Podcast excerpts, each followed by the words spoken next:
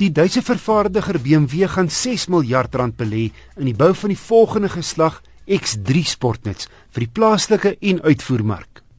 Die vervaardiging van die X3 vervang die 3-reeks sedan wat al sedert 1983 by BMW se Raslin aanleg buite Pretoria gebou word. 70000 3-reeks eenhede word vanjaar gebou waarvan net meer as 80% vir die uitvoermark, meestal na die FSA. Vervaardiging van die volgende geslag X3 sal na verwagting in 2019 begin wanneer die huidige 3 reeks vervang word.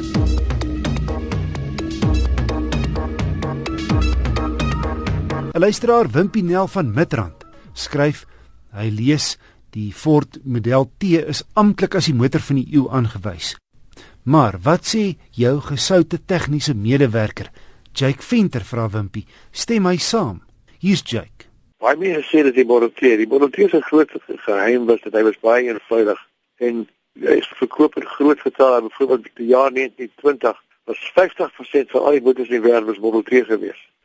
Maar dit die motor wat die grootste invloed gehad op naoorlogse motors, na Tweede Wêreldoorlog se motors, is die Volkswagen Beetle. Die rede is dat tot omtrent 1960 kon jy nie eintlik 'n voertuig kry waarmee jy kan voet neersit en net ry so soveel wat jy wil nie. Daar was destyds na die oorlog ons het baie gevalle van dier in ons motors wat kwam toe gekom het vir vakansie en hier in die Karoo op 'n warm dag dan moet jy maar stadig ry as te gaan oorvoer dit. Die Volkswagen Beetle is spesifiek ontwerp dat jy kan maar voet neersit, jy kan 'n hele dag ry so vinnig wat jy wil loop, jy kan voet neersit, jy kan pak sien op die op die pedaal neersit en hy sal niks oorkom nie. Hy is ontwerp daarvoor in terme van die verkoelingsstelsel, die lugverkoelingsstelsel met sy groot waier en ook in terme van die radverhoudings plus die baie kort slag van dit is so iets as 68 mm beteken dat teen die tyd wat die spanning in daai een dieselfde vlak bereik as 'n normale klein karretjie toe dit al oor die 200 km/h wat net nie moontlik is nie. So teen sy maksimum snelheid van ongeveer 120 115 120 loop daai een nog nog net asof hy eers begin asemhaal dit is die groot les wat die Volkswagen Kewer oorgedra het na die ander vervaardigers toe. Vandag is al vind ek alle motors so ontwerp jy kan maar net ry in die voorste rad, sesde rad, vyfde rad. Jy kan nie die een elektrade nie op nie in voorste rad. Jake in die Volkswagen Kewer is 'n maklike voertuig om te herstel. Daar is tamelik maklik. Die een kan jy uithaal in minder as 10 minute. En en meeste van die goed is baie maklik om te herstel. 'n Ander ding van die Volkswagen Kewer is toe hy in Suid-Afrika geland het op daai stadium in meeste lande van die wêreld kon die vervaardiger nog die prys van diens vasstel. En ek het eers 'n Volkswagen diensboekie van die 60e jare wat jy kan enige ander instap in die land en jy weet presies wat jy gaan betaal vir enige diens. Vandag is dit nie meer die geval nie dat die regering wil nie hê die maatskappy moet pryse vasstel nie so vandag word betaal jy eintlik baie meer as wat dit behoort te wees.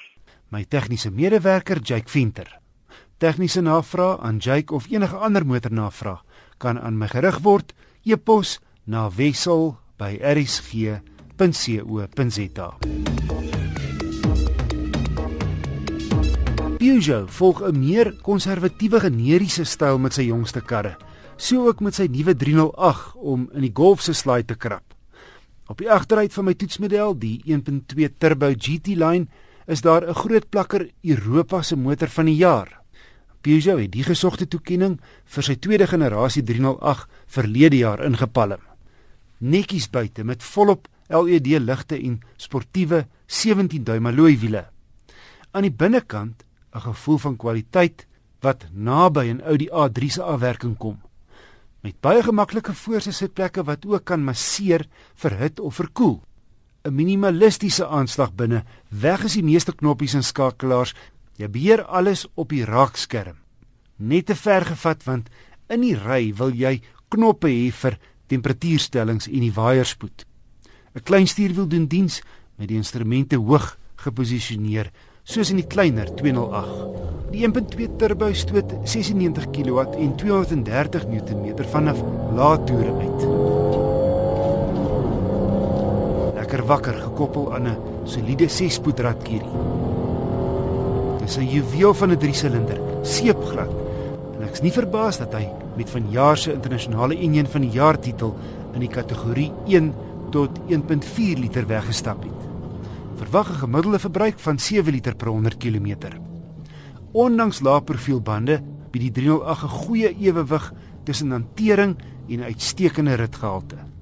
So om op te som, die 308 GT Line beïndruk in vele opsigte, stylvol, gesofistikeerd, maar ook pret om te bestuur. En hy straal 'n premium gevoel uit wat jy nie met vorige Peugeot lykere gekry het nie. Maar teen R335900 nogal duur. Ja, die model is heel lyks en veilig toegerus, maar Peugeot is een van die kleiner fabrikate wat al sy modelle invoer. So, daar's nie uitvoerkrediete ter sprake om die swak rand te werk nie. Gebruik van 'n selfoon lei jou aandag af terwyl jy bestuur. So hier's my wenk van die week: bêre die foon sodat jy hom nie kan bereik wanneer jy bestuur nie. Of skakel eenvoudig die ding af.